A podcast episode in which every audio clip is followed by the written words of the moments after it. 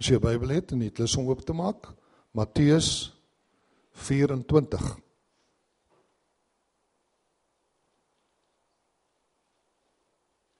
En Jesus het uitgegaan en van die tempel vertrek en sy disippels het nader gekom om hom die geboue van die tempel te wys. En hy sê vir hulle: "Sien julle al hierdie dinge? Voorwaar ek sê vir julle daar sal hier sekerlik geen klip, nie een klip op die ander gelaat word wat nie afgebreek sal word nie." Dis 'n profesie. Dit is 'n profesie. En hierdie woorde is vervul byna 40 jaar later toe Titus die Romeinse generaal Jerusalem ingeneem het en die tempel met die grond gelyk gemaak het. Jesus is die groot profeet. Wanneer mense profeteer dan sê die Bybel in 1 Korinte 14 daarby vers 29 laat twee of drie profete spreek en die ander dit beoordeel. Die rede waarom ons profetiese uitsprake moet beoordeel is omdat mense voete van klei het.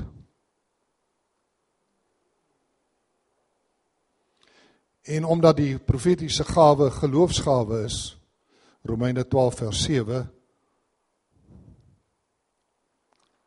en foute gemaak kan word met profetiese uitsprake. Daarom moet ons dit beoordeel. Moenie alles glo of net so glo wat 'n profeet vir jou sê nie. Toets dit aan die hand van die skrif en aan die hand van tyd.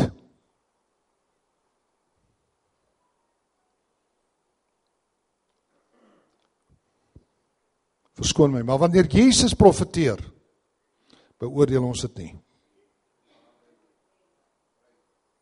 Ek gaan nie krities kyk na Matteus 24 nie. Ek glo dit. As 'n mens profeteer, dan luister ek krities. As Jesus profeteer, dan glo ek dit. Want Jesus kan nie fout maak nie. Hy is die groot profeet, het Moses hom genoem. As Jesus iets sê, dan is dit so. Dit sal so wees. En toe hy vers 3 op die Olyfberg gaan sit het, kom sy disippels alleen na hom en sê: "Vertel ons, wanneer sal hierdie dinge wees en wat is die teken van u koms?" Dis 'n groot vraag. En van die volëinding van die wêreld? En hy antwoord en sê vir hulle: "Pas op dat niemand julle mislei nie." Pas op dat niemand julle mislei nie. As daar een leerstuk in die Bybel is waar daar enorm baie misleiding is en plaasvind, is dit die leer van die wederkoms. Hoeveel keer in my eie lewe het ek al gehoor dat mense 'n datum vir die wegraping vasstel? Of vir die wederkoms van die Here? En dit het nie gebeur nie. So hulle het almal gelieg.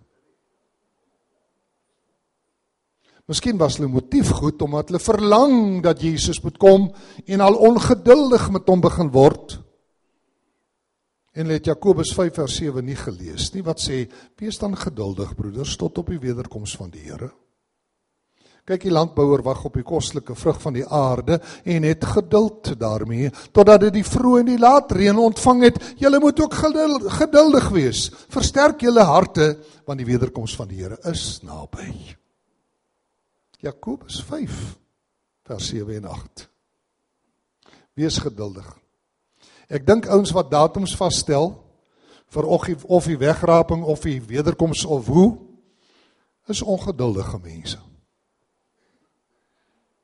Hulle motiewe is nie andersins vals nie. Hulle wil graag hê die Here moet kom, hulle nou wil sy arm draai. Deur 'n datum vas te stel sodat die hemel kan ag gee op die datum wat hulle vasgestel het en tog dan maar vir Jesus sal stuur. Nee. God die Vader het bepaal wanneer Jesus terugkom. staan in Handelinge 1 geskryf. Dit kom julle nie toe om die tye of geleenthede te weet wat die Vader deur sy eie mag bepaal het nie. Jesus sal kom wanneer die Vader sê: "Seun, staan op. Laat die basluin geblaas word." En die eerste wat ons sal hoor is die geklank van die hemelse basuin. Of ons waak en of ons slaap. O, ek sien uit daarna. Ek sien uit daarna.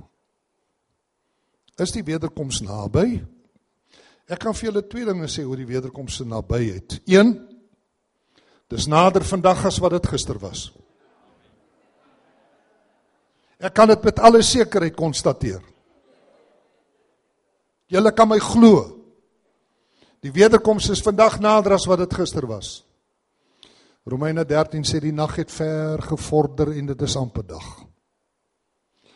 En as julle vir my vra wanneer kom Jesus, dan kan ek vir julle presies sê. En die antwoord is wanneer die wêreld hom nie verwag nie. Wil julle weet wanneer kom Jesus? Wanneer die wêreld hom nie verwag nie. En selfs baie in die kerk kom nie verwag nie. Want hy sal kom soos 'n dief in die nag. Sê op verskillende plekke Matteus 24 1 Tessalonisense 5 Pas op dat niemand julle mislei nie vers 4 Die misleidinge rondom die wederkoms is legio. Daarom doen Jesus moeite om te sê pas op dat niemand julle mislei nie. Baie sal onder my naam kom en sê ek is die Christus. En hulle sal baie mense mislei. En julle weet self dit gebeur.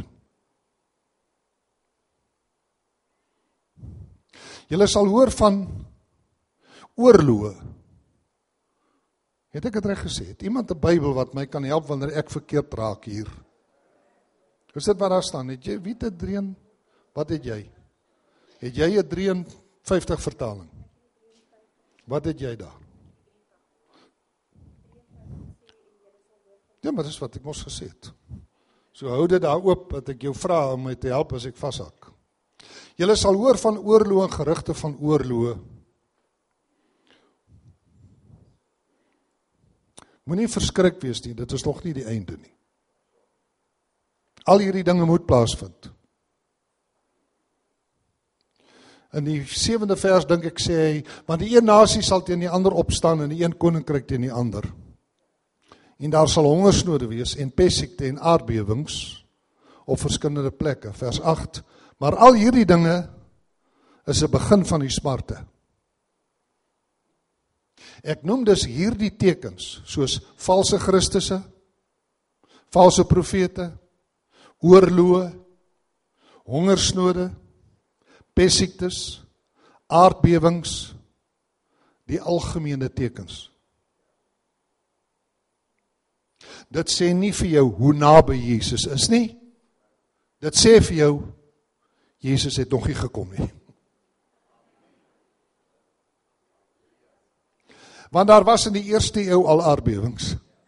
En in die 5de eeu was daar al pessiektes. In die 10de eeu was daar al hongersnood. So mense maak die stelling maar die tekens intensifeer na mate die wederkoms nader kom. Die Bybel sê dit nie.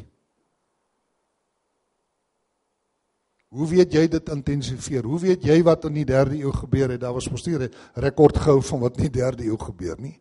So hierdie teken sê net solank daar aardbewings is, pessiektes en hongersnode in oorloë, Jesus het nog nie gekom nie. Wanneer Jesus kom, gaan daar nie meer oorloë wees nie. Daar gaan vrede wees.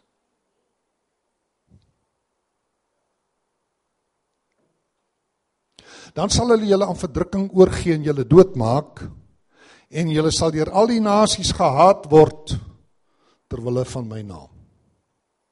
En dan sal baie tot struikel gebring word en mekaar verraai en mekaar haat. En baie valse profete sal opstaan vers 11 en baie mense mislei. Wat 'n tragedie.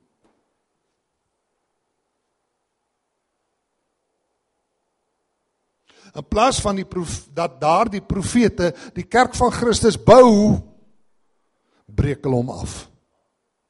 omdat dit om hulle self gaan. As jy oor Isebel lees in Openbaring 2 in die gemeente van Thyatira, dan staan daar ek het teen jou dat jy die vrou Isebel wat haarself 'n profetes noem toelaat om te leer ensovoorts. Selfaangestelde profete is nie profete van God nie. Hulle is valse profete. Wanneer die kerk breedweg iemand se profetiese gawe erken, dan is hy 'n profeet van God. Of wanneer die kerk breedweg iemand se evangelistiese gawe erken, vat nou vir Reinhard Bonke van wie julle almal weet. As ek vanaand vir julle sê Reinhard Bonke is 'n evangelis of hy was 'n evangelis, kan julle amen sê? Kan julle? Amen. Goed. Dis die kerk, die breë kerk erken sy evangelistiese bediening. Dan sê evangelis. Nie wanneer 'n ou hier agter 'n bos uitspring en sê ek is 'n apostel of ek is 'n profeet of ek is 'n evangelis. Moenie dit sê nie, laat die kerk dit van jou sê. In die geval van die pastorale amp het denominasies die amp geneem en pastore in die amp gestel so daai denominasie kan sê daai man is 'n pastoor in die AGS. En dis in orde. Maar moet jouself nie in 'n amp noem as jy dink jy's een nie. Los die kerk dat die kerk dit van jou sê. En as die kerk dit van jou sê, dan sal dit gewig dra. Moenie dit self staan in vers 11. Baie valse profete sal opstaan, baie mense se mislei. En omdat die ongeregtigheid vermeerder word, sal die liefde van die meeste verkoel. So daar kom tye vorentoe. Ek sê sommer nou vorentoe want ek staan nou hier. Maar van Jesus af vorentoe dat die ongeregtigheid sal vermeerder. Openbaring 22 vers 11 meen ek sê wie onreg doen laat hom nog meer onreg doen en wie vuil is laat hom nog vuiler word en laat die regverdige nog regverdiger word en laat die heilige nog heiliger word. Daarom praat 2 Tessalonisense 2 van die groot afval voor die dag van die Here kom. Hierdie wêreld is op die afdraande. Hierdie wêreld is op die afdraande. En die media is gewoon die instrument of die kanaal waardeur die sondes wat gevind word, wat plaasvind aan die groot klok opgehang word. So dit voel vir jou asof die wêreld 'n baie onheilige plek geword het omdat die media dit so uitpasyn. Tot 'n baie groot mate was nie verlede net so, maar dis net meer rugbaar. Maar wie volhard tot die einde toe, ek dink is vers 13, sal gered word. En nou nadat hy oor hierdie algemene tekens wat oor al 2000 jaar tot nou plaasgevind het gesels het, kom Jesus in vers 14 met 'n fenominale uitspraak. Hy sê en hierdie evangelie van die koninkryk sal verkondig word in die hele wêreld tot 'n getuienis vir al die nasies en dan sal die einde kom. Hy sê hierdie evangelie van die koninkryk, maar die Markus weergawe sê die evangelie. So hy praat spesifiek van die evangelie. Sal verkondig word in die hele wêreld. Argentinië, Alaska, Nieu-Seeland, kan iemand amen sê? Rusland, China, Namibië, dis die hele wêreld. Daarom kon Jesus nie teruggekom het voordat hierdie profetiese woord nie vervul was nie. Hy kon nie in die 5de eeu teruggekom het nie. Want in die 5de eeu was die evangelie nog nie in Noord-Amerika verkondig nie. Dis net 'n afleiding wat ek maak. Hierdie evangelie sal verkondig word in die hele wêreld en vandag help die media om die evangelie oral te versprei. Ek sê die evangelie van Jesus weer klink oor die hele aarde. Tot 'n getuienis vir al die nasies. So staan dit. Nie elkeen sal tot bekering kom nie, maar al die nasies sal hoor. Kon ook nie almal gaan hoor nie, alle individue nie, maar alle nasies sal weet van Jesus. En ek dink dis waar, dit gebeur nou. Wat dink julle? Ja, ek dink dit gebeur nou. En dan sê hy en dan sal die einde kom. Kyk in jou Bybel. En dan sal die einde kom. So is dit nou wanneer die aarde vergaan. Nee. Dis nie die einde van die aarde of die einde van God se werkinge nie, want kyk na vers 14, vers 15. Wanneer julle dan, dit wil sê wanneer die einde gekom het. Wanneer julle dan die gruwel van die verwoesting waarvan gespreek is deur die profeet Daniël sien staan in die heiligdom laat hy wat lees oplet. So nadat die einde gekom het, kom die anti-kris. So watter einde is dit dan? Dis die einde van wêreldevangelisasie. Dis die einde van die kerk se werk. Want evangelisasie is die werk van die kerk. Een of ander tyd hou die kerk met sy werk op. Een of ander tyd gaan die genade deur toe. En nadat die kerk opgehou het met sy werk, verskyn die anti-kris op die toneel. Dis wat Jesus hier sê in vers 14 en 15. Hierdie evangelie van die koninkryk sal verkondig word in die hele wêreld tot 'n getuienis vir al die nasies en dan sal die einde Watter einde? Die einde van wat hy hier sê. Van wêreldevangelisasie kom. En daarna vers 4 5 wat is dit? 15 dan sal die wanneer jy dan die gruwel van die verwoesting. Dit is die anti-kris. sien staan in die heiligdom, in die tempel. Laat die wat lees oplet. Dan moet die wat in Judea is vers 16 na die berge vlug. So nou word die lokaliteit getrek na die land Kanaan toe die land van Israel, want Judea lê nie in Namibië nie. Judea is nie deel van Mosambiek nie.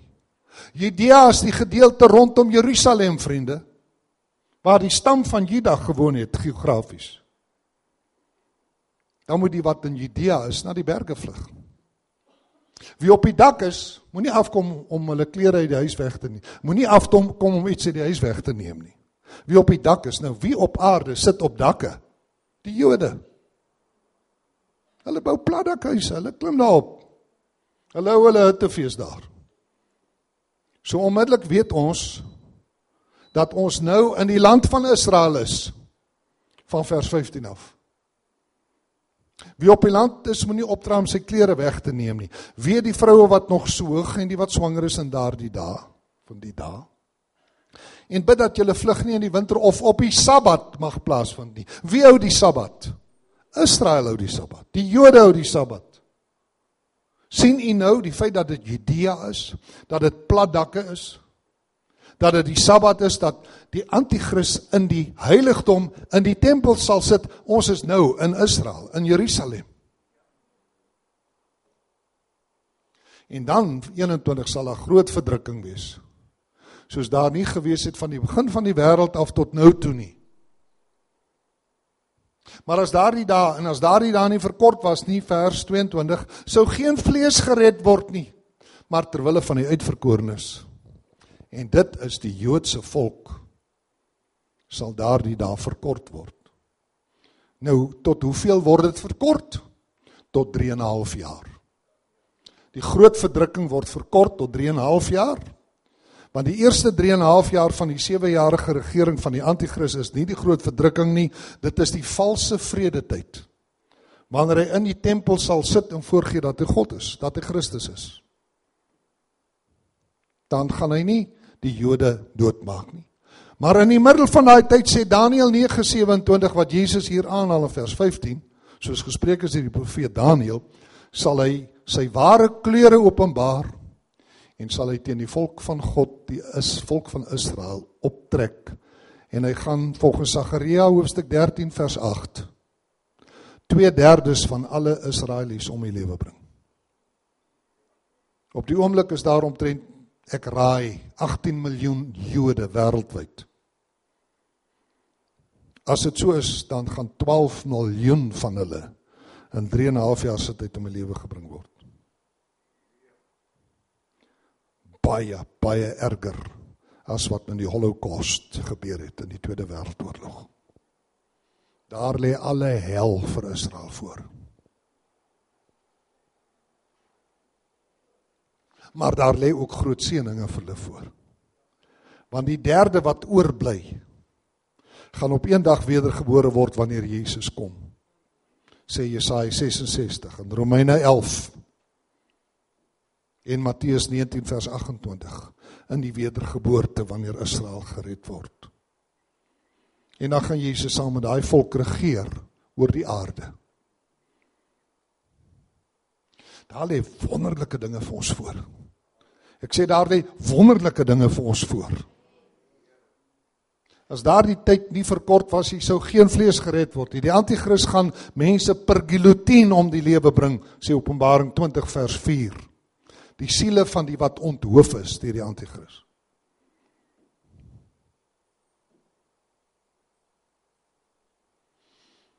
Twee derdes van Israel gaan uitgeroei word. Een derde gaan oorbly. Dit gaan verskriklik wees. Maar ons gaan ons dit ook alles sien en ervaar en ons ook doodgemaak word. Nee, van ons word gesels in vers 14. En hierdie evangelie van die koninkryk sal verkondig word in die hele wêreld tot 'n getuienis van al die nasies en dan sal die einde kom. Die einde van die kerk. Romeine 11:25 sê ek wil nie hê broeders dat julle onkundig moet wees nie dat jy onkundig moet wees oor hierdie dinge nie. En dan sê hy die volle getal van die heidene moet ingaan. Almal wat gered moet word, moet gered word en dan sal Jesus kom. So wanneer die laaste sondaar ingekom het wat in die kerk inkom, dan gaan die genade deur toe en dan stop die kerk sy werk. Dan is wêreld evangelisasie voltooi. En dan dan sit elkeen van ons hier by die huis op 'n stoel en ons sit met gevoude arms en wag dat iets verder moet gebeur. Wanneer ons klaar ons werk gedoen het, het hy nie die groot opdrag gegee, gaan dan nie en maak disippels van alle nasies nie. Matteus 28 vers 19. En as ons werk nou klaar is, wat dan? Dan kom haal hy ons. Dan kom haal hy ons. Daarom vind die wegraping van die kerk plaas volgens Matteus 24 vers 14 voor die openbaring van die anti-kris. En dus voor die groot verdrukking. Dis Jesus se woorde hier. Ek glo sy profesie. Behalwe as u my kan oortuig dat die kerk vir 7 jaar lank kan sit en niks doen nie. Nee nee, daar gaan evangelie bedien word in die in die 7 jaar. Daar gaan die evangelie gaan bedien word. En ook in die tyd van die groot verdrukking gaan die evangelie bedien word. Maar nie deur ons nie, deur 'n engel. God gaan 'n engel gebruik om die evangelie te preek. Staan geskryf in Openbaring 14 vers 6. En ek het 'n ander engel gesien wat in die middel van die lug vlieg met 'n ewige evangelie om te verkondig aan die bewoners van die aarde en in elke stam en aan elke nasie en stam en volk en taal. En hy het gesê: "Vrees God en gee hom heerlikheid, want die uur van sy oordeel het gekom en aanbid hom wat die hemel en die aarde en die see en die waterfonteine gemaak het." So die evangelie gaan verkondig word tydens die groot verdrukking en baie baie baie mense gaan tot bekering kom. Want in Openbaring 7 vers 9 het Johannes se gesig, hy sê en ek het 'n groot menigte gesien wat voor die troon staan bekleed met wit klere met palmtakke in hulle hande. Toe sê die een van die ouderlinge vir my, "Wie's hulle?" Toe sê ek, "Ek weet nie, my Heer." Toe sê hy, "Dis hulle wat uit die groot verdrukking kom." Openbaring 7 vers 13. En hulle het 'n klere gewas en 'n klere wit gemaak in die bloed van die lam. Daarom is hulle voor die troon van God, so hulle is almal dood. So almal wat op kering kom gaan deur die anti-kris doodgemaak word. Die siele gaan onthou word. Maar daar gaan baie baie baie baie so baie van die mense wat agterbly en ander wat die evangelie gaan hoor soos die engel dit preek, gaan tot bekering kom. Sê tog dankie Here. Sê goed is God. Daar gaan ook twee ander kanale wees, ander mondstukke vir God tydens die groot verdrukking. Die een is die twee getuies van Openbaring 11 wat in Israel gaan optree van wie die een definitief Elia is en die ander een wat nog nie gesterf het nie wat dis ook lewendig op is hemel toe sy naam was Henog en die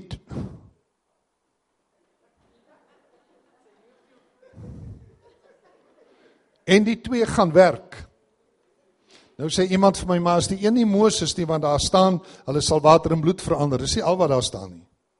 Daar staan ek sal vir my twee getuies gee dat hulle met sakke bekleed Openbaring 11 vers 4 1260 dae lank sal profeteer en as iemand hulle wil beskadig gaan daar vuur uit hulle mond.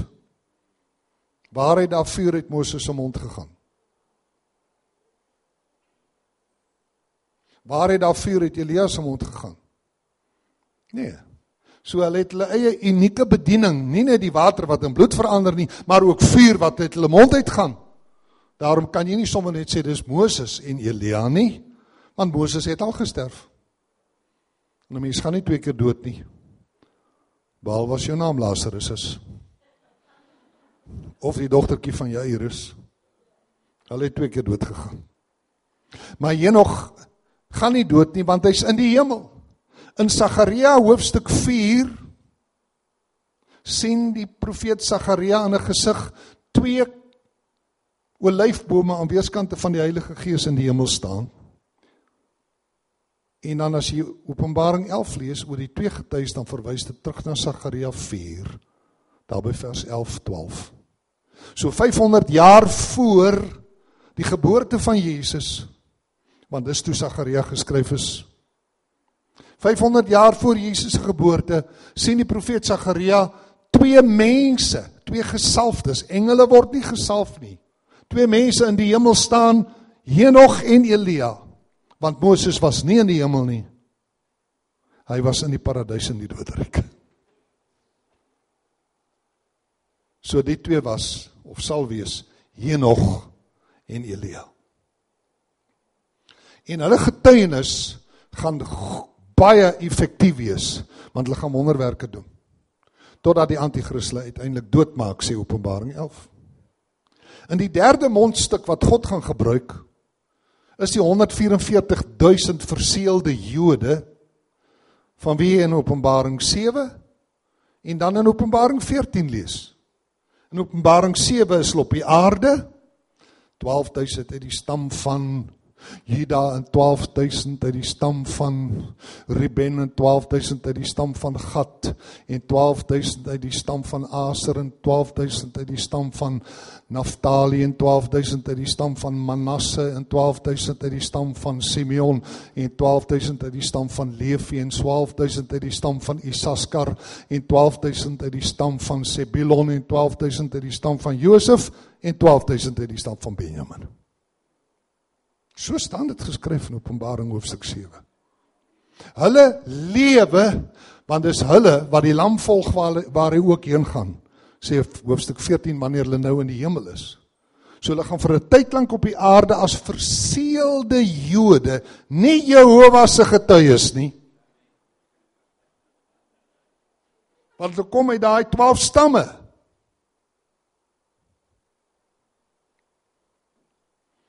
Dan gaan God hulle opneem hemel toe. En hulle gaan saam met die lam op die berg Sion staan. En hulle gaan 'n lied sing wat niemand kan leer nie behalwe die 144000. So hulle getuienis is 'n derde mondstuk tydens die groot verdrukking. Is God nie wonderlik nie? Is God nie vriendelik teenoor hulle wat agtergebly het In Lukas 21:36 sê Jesus: "Waak dan en bid altyd deur sodat julle al hierdie dinge wat kom kan ontvlug en voor die seun van die mens kan staan." Hoekom gaan die kerk nie deur die groot verdrukking nie? Omdat God so besluit het. Is ons dan te goed daarvoor? God het so besluit. Wie gaan God se plan bevraagteken? As die einde aanbreek voor die anti-kris geopenbaar word, dan beteken dat die kerk 'n wesenlike rol gespeel het in die verhindering van die openbaring van die anti-kris. En dit lees jy in 2 Tessalonisense 2. En nou julle weet wat hom teehou, wat die anti-kris teehou, julle weet wat hom teehou. Daar's iets wat teen die anti-kris se openbaring staan sodat hy op sy tyd geopenbaar kan word. Want die verborgenheid van die ongeregtigheid is aan die werk al aan die werk 2 Tessalonisense 2 vers 6 net totdat dit wat nou teehou uit die weg geruim is. Nee, ek het verkeerd. Ek het die volgende versie nou gesien.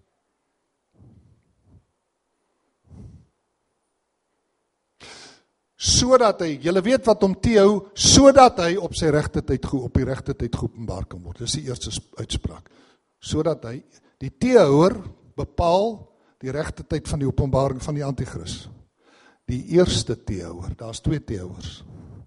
Dit kan jy duidelik in die Griekse teks sê. sien. Die teehouer van vers 6 wat die tyd van die anti-kris bepaal is in Grieks to kat egon. Kat ego beteken ek hou iets te. To kat egon, dit wat teehou. Maar in vers 7 staan daar net totdat hy wat nou teehou uit die weg geruim is. Ho kat egon. Daar's twee teehouers. Al twee teehouers was die in die eerste eeu al op die aarde. En al twee teehouers sal sê nou maar die anti-kris kom in die 21ste eeu. Ek hoop so. Ek sê ek hoop die anti-kris kom binnekort. Want as Jesus se koms hier. En as dit nou sou plaasvind in die 21ste eeu, dan is daai selfde twee teoors wat in die eerste eeu daar was. Want Paulus sê julle weet wat hom teou. So die teoors was by die gemeente van Tessalonika bekend. Sal oor 2000 jaar nog steeds op die aarde wees. En daarom is my goeie vriend professor Adriu Kunig verkeerd wanneer hy sê Nero was die teoor. Keiser Nero in die eerste eeu. Nero leef nie meer vandag nie. En nou julle weet wat hom teehou sodat hy op sy tyd geopenbaar gaan word. En dan sal hy, die anti-kris, deur die verskyning van Jesus vernietig word. In dieselfde teks. So daardie laaste anti-kris, die laaste anti-kris, die groot anti-kris. Ek praat nie van klein anti-kriste nie van Piet Koos en Klaas wat vloek teen God en ook anti-kristelik is nie. Ons praat van die anti-kris aan die einde van tyd. Wat volgens 2 Tessalonisense 2 deur die verskyning van Jesus oorwin sal word. Nou weet ons wanneer gaan hy optree. Die twee teoors is baie interessant. Albei is vir 2000 jaar op die aarde. Die een, die eerste een is die Heilige Gees want hy bepaal die datum van die openbaring van die anti-kris. Julle weet wat hom teehou tot dat Egon sodat hy op sy tyd geopenbaar kan word vers 6. Op sy tyd. As die anti-kris geopenbaar word, is die wederkoms van Jesus bekend. Ek bedoel dan wanneer Jesus op die wit perd op Armageddon kom bekend, want dit is 7 jaar later. En wie weet wanneer is dit 7 jaar voor Jesus se Armageddon koms? Wie weet? God. Ek sê God alleen ken die tyd. Nie eers die engele in die hemele weet dit nie. Nie die engele in die hemel ken die datum van die wederkoms nie, want engele kan skinder. By sê engele vind hy dwaling, sê hy in Job. In demone is gevalle engele. En as die engele die datum van die wederkoms geweet het, moet jy voor jou siel weet die demone sou dit uitgeblaker het. Net God alleen.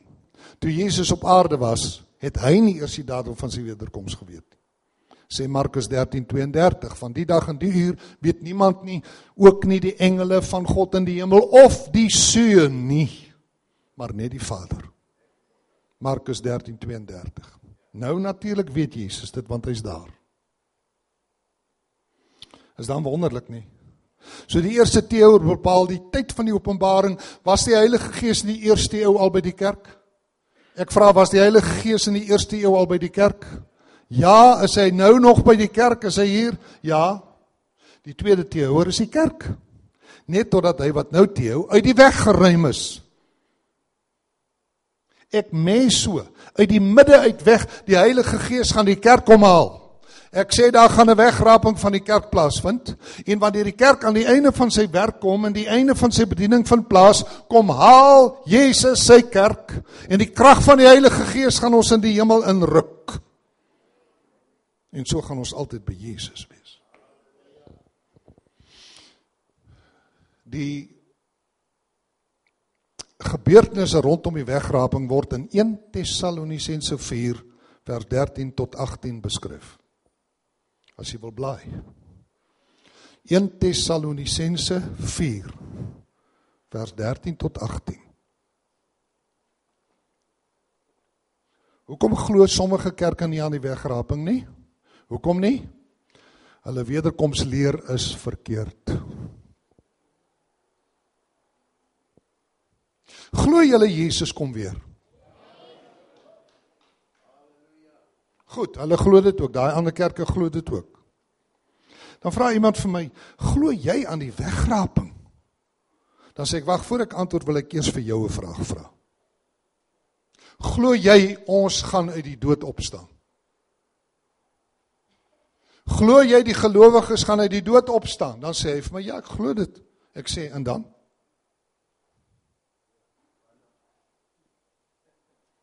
Wat gebeur nadat ons uit die dood opgestaan? Nee, nee, moenie dit my vra nie. Ek sê dan kom haal Jesus ons. Want mense wat nou in Christus sterf en van van Adam af in Christus gesterf het, is in hulle gees in die hemel. Hulle liggame is hier op aarde begrawe of tot niet gemaak. En Hebreërs 12 vers 23 sê in die hemel is die geeste van die volmaakte regverdiges. Hulle is in hulle gees daar. Jou pa wat dood is wat die Here gedien het, is in die hemel. Sy gees is in die hemel, sy liggaam is hier begrawe. Sê tog ja. Sy gees is in die hemel, sê Hebreërs 12 vers 23 by die geeste. Julle het gekom by die berg Sion en die stad van die lewende God, die hemelse Jerusalem met 10000 engele, by die feestelike vergadering, die gemeente van eersgeborenes wat in die hemele opgeskryf is en by God die regter van almal en by die geeste van die volmaakte regverdiges. En by Jesus die middelaar van die Nuwe Testament en by die bloed van die besprenkeling wat van beter dinge spreek as Abel Hebreërs 12:22 tot 24. Maar dan moet nog 'n opstanding plaasvind.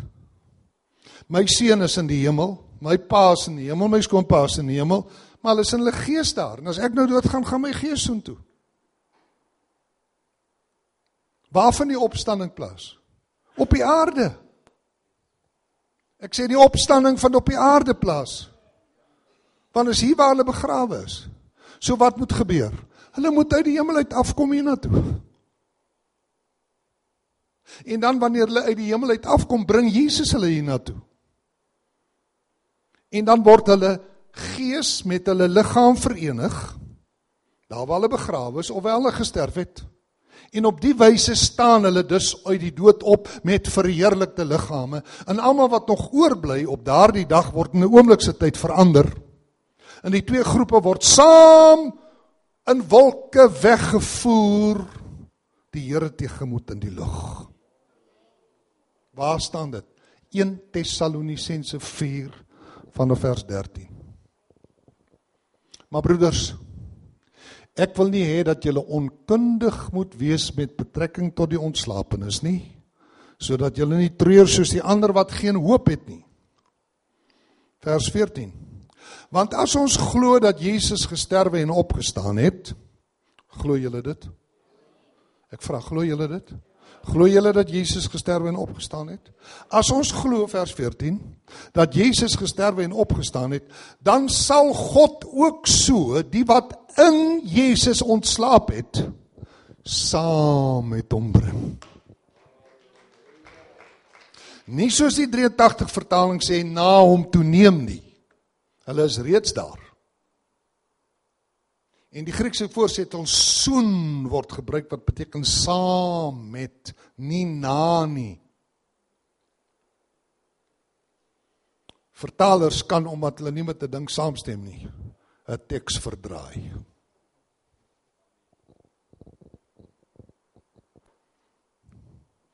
En wat meer is, die 83 vertaling is 'n vry dinamiese vertaling, terwyl die 53 vertaling 'n letterlike vertaling is. Die letterlike vertaling gee die woorde van die Hebreëse en Griekse tekste net so weer. Die vry dinamiese taling vertaal die betekenis soos die vertaler dit geïnterpreteer het. Dis waarom ek nie lief is vir die 83 vertaling nie. Daar's te veel interpretasies by die leerstellings. Die storieetjies lees lekker. Dawid en Goliat. Daarvoor lees ek die 83 vertaling. Die Emmausgangers, daarvoor lees ek die 83 vertaling. Samson en Delilah, daarvoor lees ek die 83. Hy lees lekker in moderne Afrikaans in 'n lekker leesstyl. Maar leerstellings op die 83 vertaling nooit in jou lewe nie. Vers 15. Want dit sê ons vir julle deur die woord van die Here. Kyk dit staan daar vers 15 het ek reg? Staan daar dit sê ek vir julle Dit sê ons vir julle deur die woord van die Here dat ons wat in die lewe oorbly tot by die wederkoms van die Here die ontslapenis hoegenaamd nie sal voorwees nie. So daar gaan nie eers goed met ons gebeur en dan met die wat gesterf het in Christus nie. Dit gebeur met ons albei saam, albei groepe saam. Dit sê vir ons vir julle deur die woord van die Here. Wat ek nou hier sê, sê ek vir julle deur die woord van die Here. By weet Paulus hierdie goed gehoor? Dit sê ons vir julle deur die woord van die Here. Ek vra by weet hy dit gehoor? By die Here. Hy sê nie ek wil vir julle sê wat ek dink wat gaan gebeur nie. Wanneer dit by die wegraaping kom sê Paulus nie ek wil vir julle my opinie gee nie. Opinie 3 vers 6. Wat ek hier vir julle sê, het ek by Jesus gehoor. Vers 15. Dit sê ons vir julle deur die woord van die Here dat ons wat in die lewe oorbly tot by die wederkoms van die Here, die ontslapenis sogenaamd nie sal voorwees nie, want die Here self sal van die hemel neerdal. Die Here self sal van die hemel neerdal wanneer jy nou sterf, stuur hy 'n engel om jou te kom haal. Wanneer die opstanding plaasvind, kom haal hy sy kerk. Want die Here self, die Heer sê dit asseblief saam met my, want die Here self 1 Tessalonisense 4:16 sal van die hemel neerdaan met 'n geroep met die stem van 'n aartsengel en met geklank van die basuin van God met 'n geroep Jesus gaan met 'n geroep hy het vir Lazarus ook geroep Lazarus kom uit Ek wonder wat gaan hy roep wanneer die opstanding van die regverdiges plaasvind Dalk sê Jesus. My kinders, hier is ek. Dis tog moontlik. Kom op. Die Here self sal van die hemel neerdal met 'n geroep met die stem van 'n aartsengele met geklank van die basuin van God en die wat te Christus gesterf het sal eerste opstaan. Kyk, hulle gees kom af word met die liggaam verenig hier in die graf. Nou staan hulle op. sien julle dit? Daarna sal ons wat in die lewe oorbly, saam met hulle in wolke weggevoer word die Here tegemoet in die lug. Die Bybel praat nie van die vertalings praat nie van wegraping nie. Praat van wegvoering. Weggevoer word die Here tegemoet in die lug. Dis die Griekse woord harpazo. Dis die woord wat in Handelinge 8 daar by vers 39 gebruik word wanneer Filippus die kamerling van Ethiopië doop en toe hy die waarheid uit die water wegklim, opklim, het die Gees skielik vir Filippus hart harpad so. Weggevoer, hy's in Asdod gevind. 40 km verder. Die woord kom voort in 2 Korinte 12 vers 2 Paulus sê ek weet van 'n man in Christus 14 jaar gelede wat weggeruk is harpad so tot in die derde hemel. Die woord kom voor in Openbaring 12 vers 5 sê hy het 'n manlike kind gebaar wat al die nasies met 'n eysterstaf sal regeer en haar kind is weggeruk na God en sy troon harpad so. Dit gaan met jou gebeur. Ek kan nie wag daarvoor nie. Ons sal die bassein hoor en as ons die bassein hoor en ons hoor Jesus se geroep, sal ons weet hier is dit. Die volgende oomblik sal ons verander word. Verheerlik word. En daar lê my broek.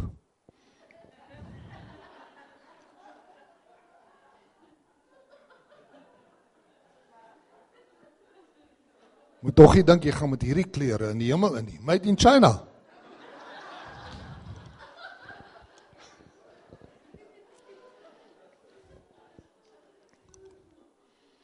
Tereg sê die koortjie die hemelse kleed, 'n hemelse kleed sou ons dra.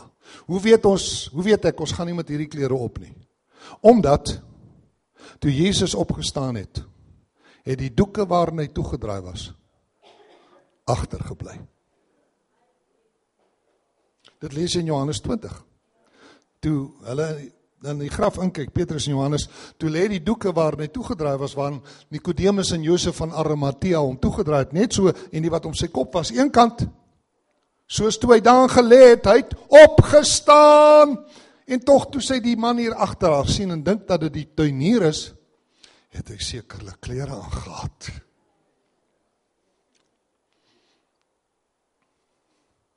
En dan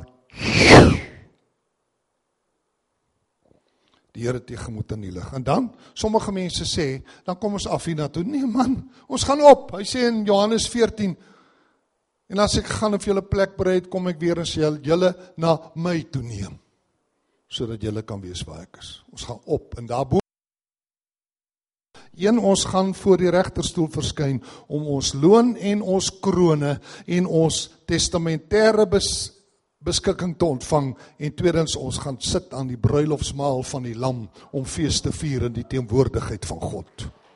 En op die aarde is die anti-kris aan die woel. Die kerk gaan nie deur die groot verdrukking nie. Ons gaan eet. Daarbo.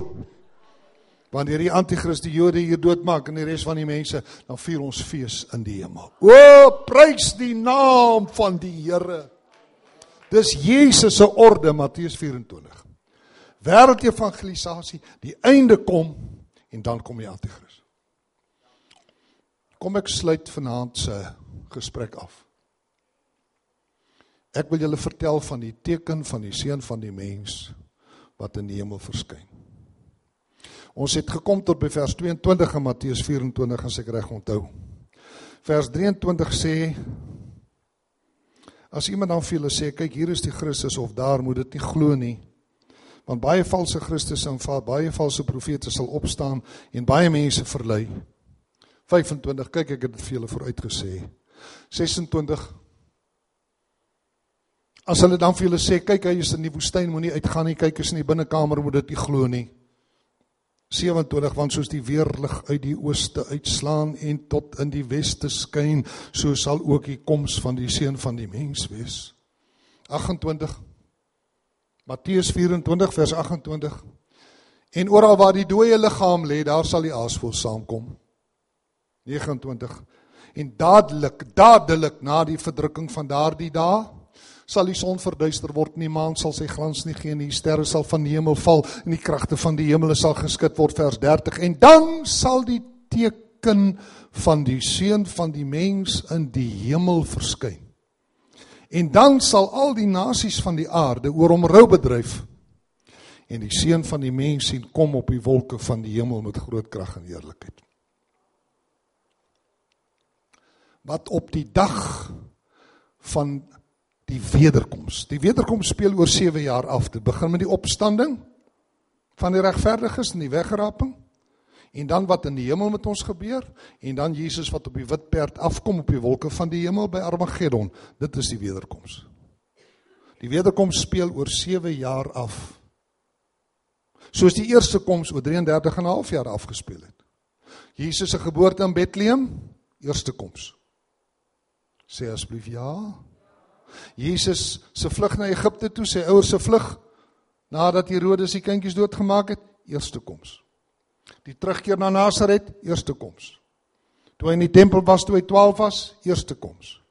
Toe hy gedoop word deur Johannes toe hy 30 jaar oud was, eerste koms. Toe hy bedien het, eerste koms. Toe hy gekruisig is, Jesus is by sy eerste koms gekruisig. Die eerste koms loop oor 33 en 'n half jaar. Die tweede koms loop oor 7 jaar. Begin dan kan jy van die wegraping praat as die wederkoms soos Tessalonisense dit doen. Want dis waar die wederkoms begin. Want hy kom en hy kom haal ons. En dan kom hy op 'n wit perd by die slag van Armageddon.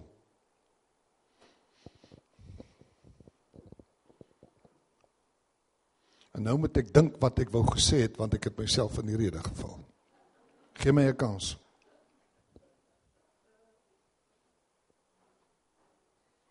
Ek is besig om te praat oor die dag wanneer hy weer kom. Wanneer hy op die wit perd afkom. Kom ek vertel vir julle wat op daardie dag gaan gebeur, want op daardie dag gaan die teken van die seun van die mense in die hemel verskyn. Dit gaan donker wees daardie dag.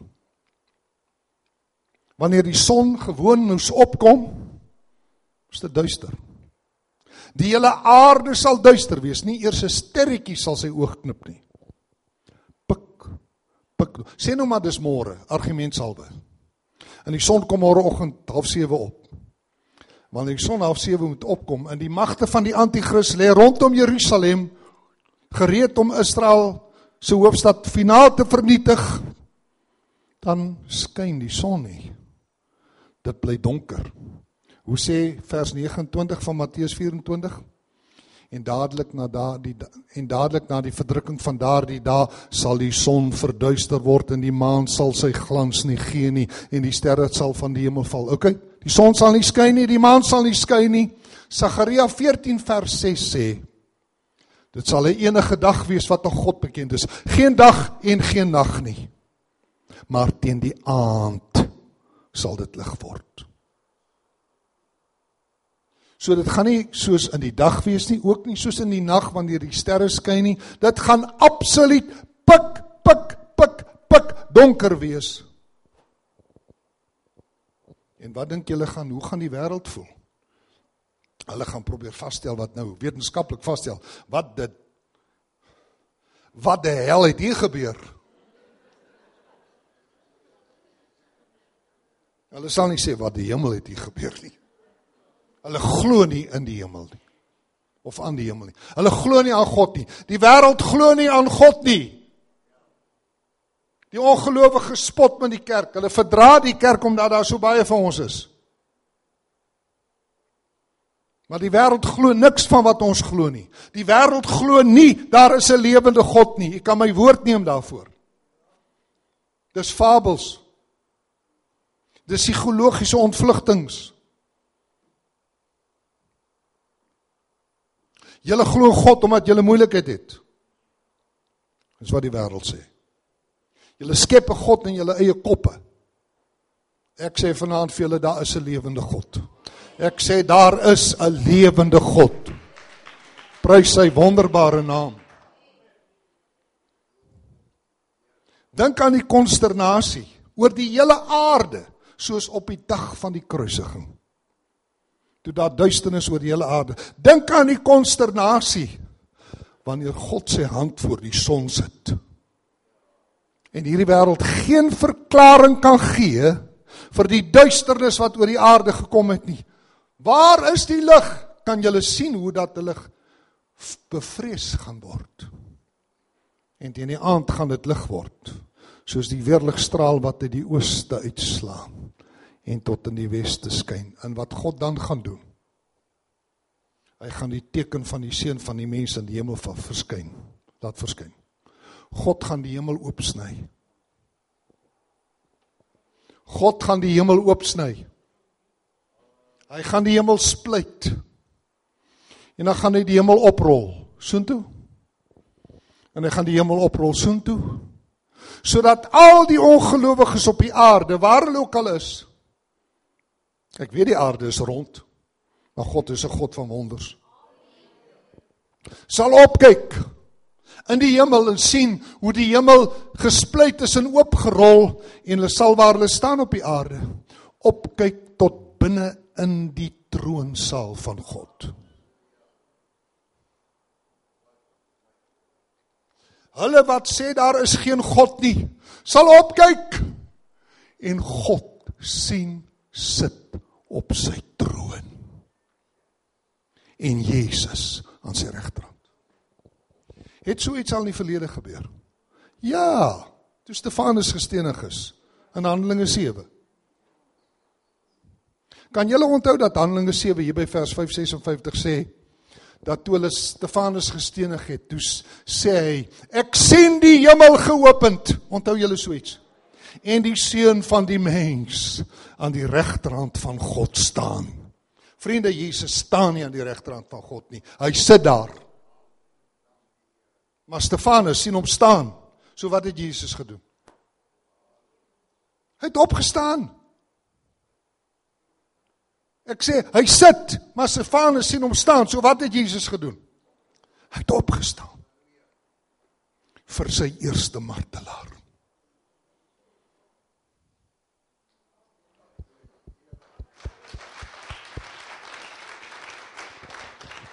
Ek sien die hemel geopen, so Stefanus staan buite Jerusalem waar hy nou gestenig word.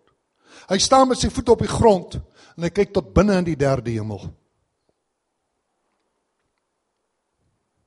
Dis dus moontlik as God die hemel oopmaak, die derde hemel waar hy woon, is dit moontlik vir 'n mens om van die aarde af tot binne in die troonsaal te kyk. Maar ek het dan gedink die hemel is ver. Die hemel waar God woon, die derde hemel, is 'n ander skepping as hierdie aarde. Dis 'n ander univers, sê Hebreërs hoofstuk 9 vers 12. Hy sê in vers 11 want Christus wat opgetree het Hebreërs 9 vers 11 Christus wat opgetree het as hoop as hoëpriester van die toekomstige weldade het deur die groter en volmaakte tabernakel wat nie met hande gemaak is nie dit wil sê wat nie aan hierdie skepping behoort nie. Ook nie met die bloed van bokke en kalwers nie met sy eie bloed hemel ingaan. Die derde hemel is die deel van die skepping van die eerste en tweede hemel Hy lê nie die derde hemel lê nie daar iewers tussen die sterre nie. Dis 'n ander univers. Toe ek die boek geskryf het Atlas van die hemel het ek bietjie by NASA se rubrieke gaan nalees op Google. Toe sê NASA Ons weet nie hoe groot ons univers is nie. Hy kan nie gemeet word nie. Die verste wat hulle in die univers in ons skepping, in ons kosmos ingekyk het met teleskope is 14000 miljoen jaar. Dis sover daai lig getrek het om hier te kom. So ons ons eie heelal is meer as 14000 miljoen ligjare groot. En dan sê NASA, ons weet nie of daar 'n ander univers is nie. Miskien is daar. Daar is Daar is. Ek sê daar is 'n ander univers. So staan dit in Hebreërs 9 vers 11 wat nie tot hierdie skepping behoort nie. Daarom kan God as hy wil en hy maak hom oop vir ons toelaat om van hier af op die grond te staan en tot binne in die troonsaal te kyk. En dan weet ek wat gaan hulle dan doen. As hulle opkyk en hulle kyk in God se gesig. Julle weet geen mens kan God sien en bly lewe nie. Weet julle dit? Weet julle dat God die onsigbare is? Aan die koning van die eeue, die onsigbare, onverderflike, alleenwyse God. Maar hierdie wêreld glo nie in God nie. Hoe gaan God hulle oortuig dat hy leef? Hy gaan vir hulle kyk. Dis die teken van die seun van die mens. Dat God die hemel oopspluit oprol soontoe en oprol soontoe. En al hierdie ongelowiges op aarde, wanneer die duisternis wat vir 'n dag lank op die aarde gedruk het, weggaan wanneer die hemel gespluit word met 'n weerligstraal, sal hulle opkyk en die lewende God wat hulle ontken het met hulle oë sien. En dan gaan hulle op hulle aangesigte val. En dan gaan hulle tussen die klippe inkruip en hulle gaan die gate inkruip. En hulle gaan roep berge val op ons en heuwels bedek ons vir die aangesig van hom wat op die troon sit. Waar staan dit geskryf? Openbaring 6. As jy dit wil lees, blaai gou saam met my. Hierdie wonderlike saak. Loof die Here se naam. Ek voel 'n krag in my binneste. Ek sê ek voel 'n heerlikheid in my binneste. Ek voel 'n heerlikheid in my binneste. God sal hom nie onbetuig laat nie.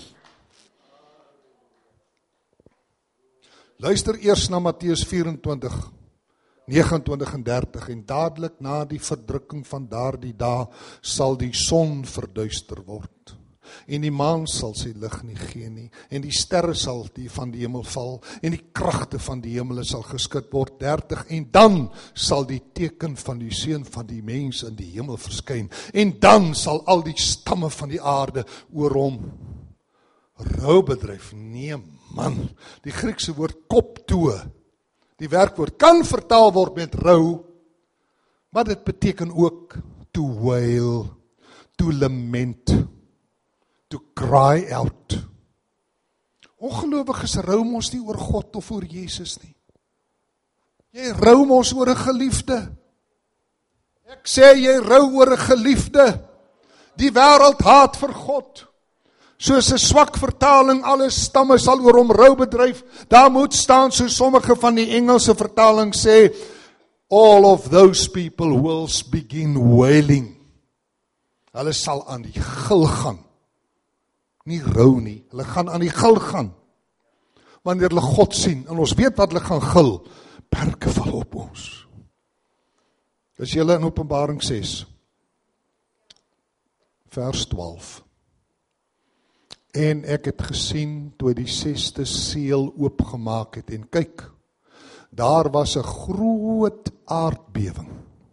En die son het swart geword soos 'n harige sak en die maan het geword soos bloed en die sterre van die hemel het op die aarde geval soos 'n vye boom wat deur 'n groot wind geskud word sy navye laat afval vers 14 en die hemel het weggewyk soos 'n boek wat toegerol word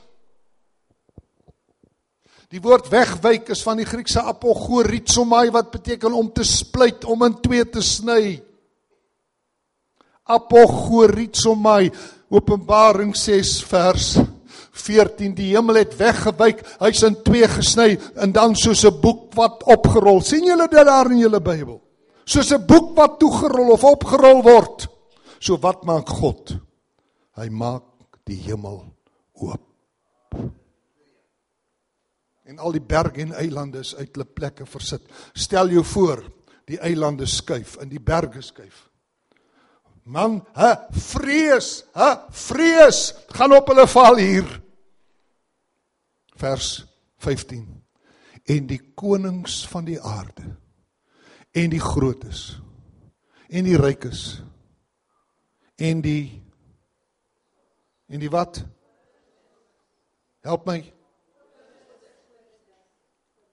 en die owerstes oor 1000 en die magtiges en al die slawe en al die vrye mense het hulle weggesteek in die spilonke en na die rotse van die berge gesê berge val op ons en verberg ons, en rotse bedek ons vir die aangesig. Wat sien hulle? Wat sien hulle? Vir die aangesig van hom wat op die troon sit. Hoe weet hulle God sit op 'n troon? Hulle sien hom met hulle oë. Verberg ons vir die aangesig van hom wat op die troon sit en vir die toren van die lam. So hoe gaan Jesus vir hulle kyk met 'n glimlag? Hy gaan hulle blits met sy oë want die groot dag van sy toren het aangebreek. En wie kan bestaan? Openbaring 20 vers 11 sê en ek het 'n groot wit troon gesien en hom wat daarop sit voor wie se aangesig die aarde en die hemel weggevlug het. Dit verwys na hierdie dag. Dit is die teken van die seun van die mens. Wanneer God die hemel oopsny en oprol sodat alle sondaars op hierdie aarde met eens tot binne in die hemel kan kyk en hierdie God wat hulle nie geglo het nie wat hulle nie sê bestaan nie in sy oë kyk en die gevolg is hulle val soos dooies aan sy voete. Kruip onder die rotse sê verberg ons vir die aangesig. En dan kom Jesus af slag van Armageddon vind plaas en dan verskyn al die nasies vir hom. En die boknasies word almal se muur na die poel van vuur gestuur. Gaan weg van my of julle vervloekt is in die ewige vuur Matteus 25:41 wat berei is vir die duiwel en sy engele. Amen.